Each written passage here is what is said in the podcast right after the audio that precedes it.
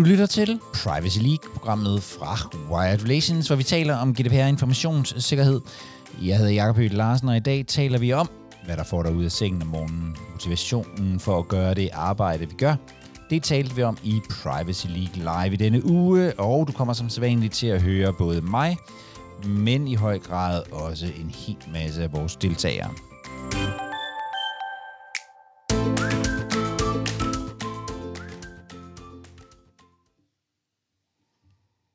For nogle uger siden, der hørte jeg en mand holde et foredrag. Han hed Brandon Prince, og han havde, øh, han havde padlet øh, hele vejen rundt om Storbritannien på et af de her øh, stand-up paddleboards, tror jeg nok, de hedder.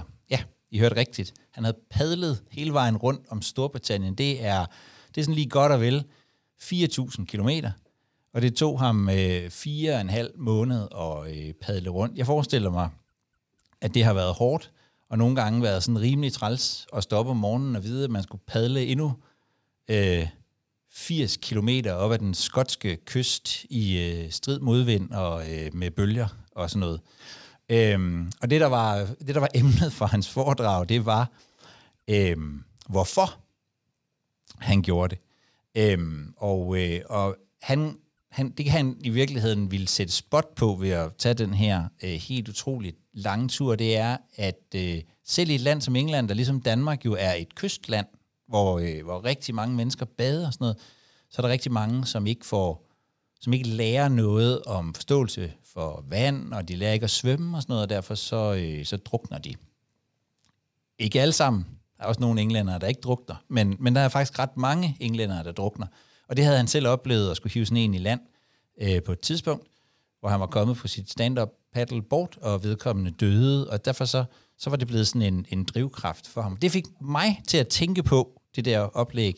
Hvad er det egentlig, de her mennesker i øh, Privacy League, som jeg mødes med hver onsdag, hvad er det egentlig, der gør, at, øh, hvad er det egentlig, der får dem til at stoppe om morgenen? Hvad er, øh, hvad er jeres motivation? Jeg tænkte, hvis vi nu lige bruger et øh, 10 minutter kvarter på, øh, på det, så lærer vi måske også hinanden sådan lidt bedre at, øh, at kende. Øhm, så jeg vil prøve at gøre noget helt nyt, og lade være med selv at sige noget, øh, i hvert fald substantielt. Nogen vil sige, at det gør jeg aldrig, altså siger noget substantielt, men i dag vil jeg, vil jeg i hvert fald undlade at prøve at sige noget substantielt, fordi øh, Helle, som er, øh, som er jurist her i... Øh, her i Wild Relations, hun har lovet at lægge ud. Så håber jeg faktisk, at, øh, at mange af jer vil øh, kort eller langt sætte nogle ord på, enten øh, på skrift, i chatten, eller, øh, eller øh, række hånden op øh, og sige det. For jeg, jeg synes faktisk, det kunne være rigtig sjovt at høre, hvad det er, der driver os til at lave det, vi gør. Værsgo, Helle. Ja, altså jeg synes jo, det er et mega, mega svært spørgsmål. Fordi ligesom mange af andre, så er I sikkert også måske havnet i GDPR ved en tilfældighed. Øh, jeg havnede selv lidt i 18 ved, at jeg sammen med min IT-afdeling skulle finde ud af, hvem os skulle have bolden på GDPR. Og man kan så sige, hvem efter der tabte eller vandt, men jeg fik i hvert fald opgaven. og så blev jeg ligesom øh, kastet ind i det, og kom egentlig til at synes, det var ganske fantastisk at arbejde med. Og har ikke sluppet det siden, så jeg har været aktivt tilvandt siden 18 at arbejde med GDPR. Og for mig er det, der motiverer mig, det er, at jeg arbejder med noget, som alle folk har en holdning til. Og øh, det har været en kæmpe rejse, og for folk også, øh, nu ser jeg folk, men både kollegaer og måske mine egne forældre og hele omverdenen til at forstå, at det, jeg arbejder med, er egentlig beskyttelse af deres privatliv. Øh, så hele den her konsensus med, at vi er, vi er kommet lidt tættere på, at, at folk ved, hvad det er, og har en forståelse af, at det flytter sig, og nu er det ikke så meget det her med, hvordan det bliver implementeret, men nu er vi mere over i, i så lidt en driftsverden, som jeg synes er ekstremt interessant. Så jeg motiveres rigtig meget af at, at få lov at hjælpe nogle mennesker i min dagligdag.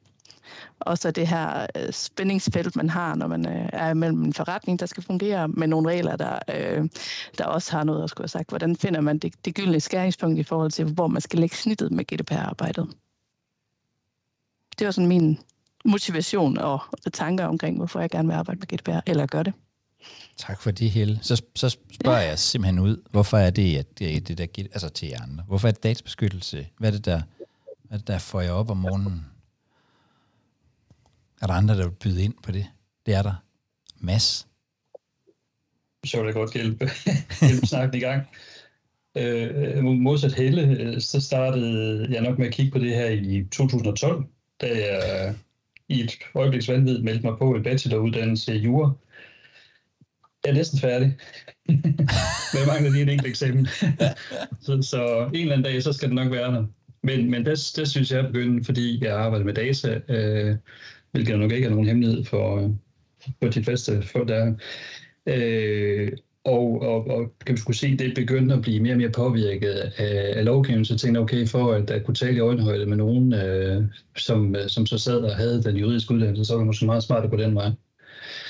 Så, så jeg, har, jeg har egentlig i mange år søgt det, og arbejdet, arbejdet med det. Og jeg tror, hvis man skal, øh, vil sige, hvis, hvis man skal opsummere det i et ord, så er det egentlig øh, ordentlighed.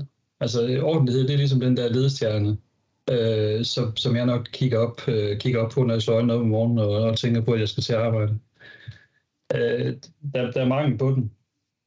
øh, og jeg håber jo sådan lidt eller andet sted, at min, øh, mit, mit bidrag til at gå og skubbe til, til, til dem, der bidrager til mangel på ordentlighed, øh, det, det, er, kan man sige, det er med til at forandre noget, og eventuelt efterlade noget, der, der er sådan lidt mere ordentligt, end, end hvad sådan lige tyder, tyder til at være, og at, at nogen, hvem siger, hvad er, folk arbejder for. Ordentlighed. Det har jeg skrevet ned her.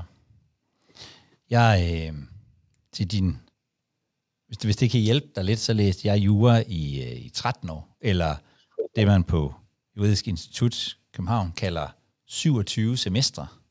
Jeg var så så ordentlig, at jeg faktisk blev færdig, men øh, det, tog lidt, så det tog lidt tid. Så det, det kan man godt. det, det går jeg også hele tiden og tænker, at jeg kan, ja. ja.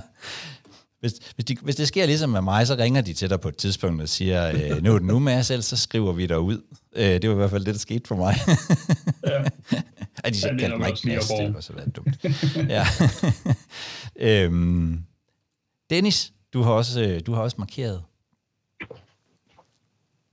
og jeg læser også lige PT Jura, men jeg kan da se, at jeg har slet ikke travlt. Nej, Det jeg glæder mig. ja, men jeg, øh, jeg skal lige sige, da jeg startede med at arbejde med EDPR, havde jeg slet ikke noget indfaldsvinkel, der passede til noget som helst. Jeg havde jo læst filosofi og sådan noget. Det er nok også derfor, jeg fik øh, opgaven, fordi det, de, de skal jo arbejde med noget af de der filosofer. Nå, men øh, det, der driver mig, er, da jeg kom fra Tyskland af, den digitale serviceørken, at over til Danmark, var jeg først begejstret af alt det her digitalisering. Indtil da jeg så ligesom begyndte at høre fra forældre, hvordan de har det, med at, øh, og hvad de skal igennem, når de skal registrere deres børn i uh, børn, uh, hvad det, børnehaven osv. Og det er der, den, den fangede mig. Det her med, at der både er en lov, der er meget misforstået, og det kendte jeg lidt til fra filosofens verden, men samtidig at det går ud over alle. Uh, det, det er det, som uh, har begyndt at motivere. Det vil sige, ja, simpelthen en, at prøve at lave en indsats for mulige fremtidige børn, som jeg muligvis måske engang får. Tak, Dennis. Uden at det skal blive en gennemgang af, af, af min juridiske uddannelse, så fik jeg mit eneste, mit eneste 13-tal i kontinental europæisk retsfilosofi. Så, øh, så jeg har også læst lidt filosofi. Det var så det fag, som de ikke kunne finde, da jeg var blevet færdig, og var lige ved at koste mig min øh, jurauddannelse, for det er jo udbydes, blev kun udbudt én gang, så vi var ikke så mange, der synes, det var spændende. Der er nogen, der har skrevet til mig øh, også, fordi de ikke kunne komme, og derfor man synes faktisk, at de ville byde ind. Øh, Morten øh, fra det nordjyske, han har skrevet, at det handler overordnet om at ønske at gøre arbejde for virksomhedens produktive medarbejdere, de medarbejdere, hvis timer kan sælges så dermed skabe indtægter for butikken, så let som muligt, ved at fjerne bøvlet på deres vej og sørge for, at de ikke skal forholde sig til TA'er, SCC'er og leverandørtilsyn, så får de mere ro til at fokusere på det, de synes er sjovt. Og det er en vinkel, jeg helt generelt synes, vi som GDPR-folk, jeg selv inklusiv, skriver morgen, glemmer at sælge os selv på. Vi bliver nogle gange set som øh, firmaets interne p-vagter, hvilket også skyldes vores egen måde at talsætte vores arbejde, i stedet for at blive set som dem, der forholder sig til øh, forordningen, så de andre slipper for det. er der kommet mere? Du, holder, holder du øje med chatten, eller er det mig? Øh, det kan jeg godt gøre. Der er kommet to, øh, to, hvad hedder det, svar i chatten også. Skal jeg læse dem højt? Det synes jeg da. Ja, det her det er fra Anne hun skriver, at skabe orden i det kaos, GDPR skaber, både for privatpersoner og virksomheder. Så skriver hun, jeg starter jo på samme måde som Helle. Det her ved tilfældigheden, tror jeg, hun mener. Og så har Det er den- det Karinas... Den start, som jeg tror, mange har haft, at, øhm, Ja. at de ikke var til det møde, hvor det blev aftalt, hvem det var, der skulle gøre det. Ja, det tror jeg, du er fuldstændig ret i. Ja. Og Karina hun skriver, at det, der driver mig hver dag, er, at jeg kan være med til at sikre transparens og større ansvarlighed, særligt i relation til børn og unges data og digitale liv, og elsker det hver dag i en indlysende, i en indlysende meningsgivende organisation. Du har til gengæld overset øh, Michaela, der skriver, det driver Åh, mig, ja. at det opleves som meningsfuldt for organisationen at arbejde med databeskyttelse og informationssikkerhed. Ledelsens opbakning er altafgørende. Tak for lidt, øh, tak for input på det her.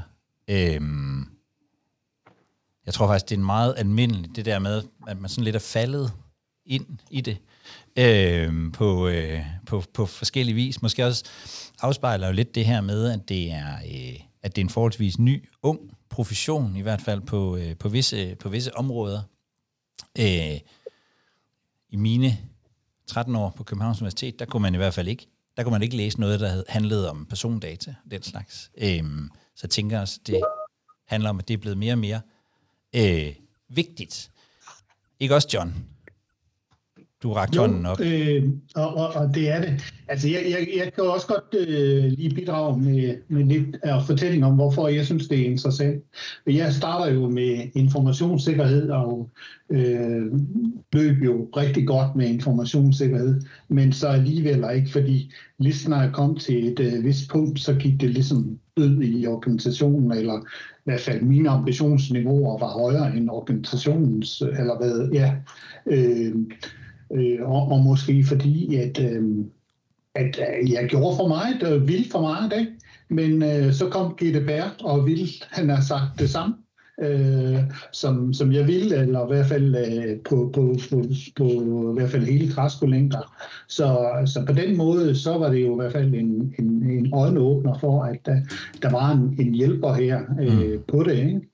Øh, jeg har jo aldrig startet på, på øh, jurastudiet, så jeg er jo den der øh, jurist i korte bukser, ikke? fordi jeg har blandt mig med, med, med juristerne, men, men også prøvet at, ligesom at tænke øh, informationssikkerhed ind i, i hvad virker for forretningen. Ikke? Så, så det er fuldstændig rigtigt, at, at, at det skal også være let for forretningen at kunne efterleve øh, de her ting.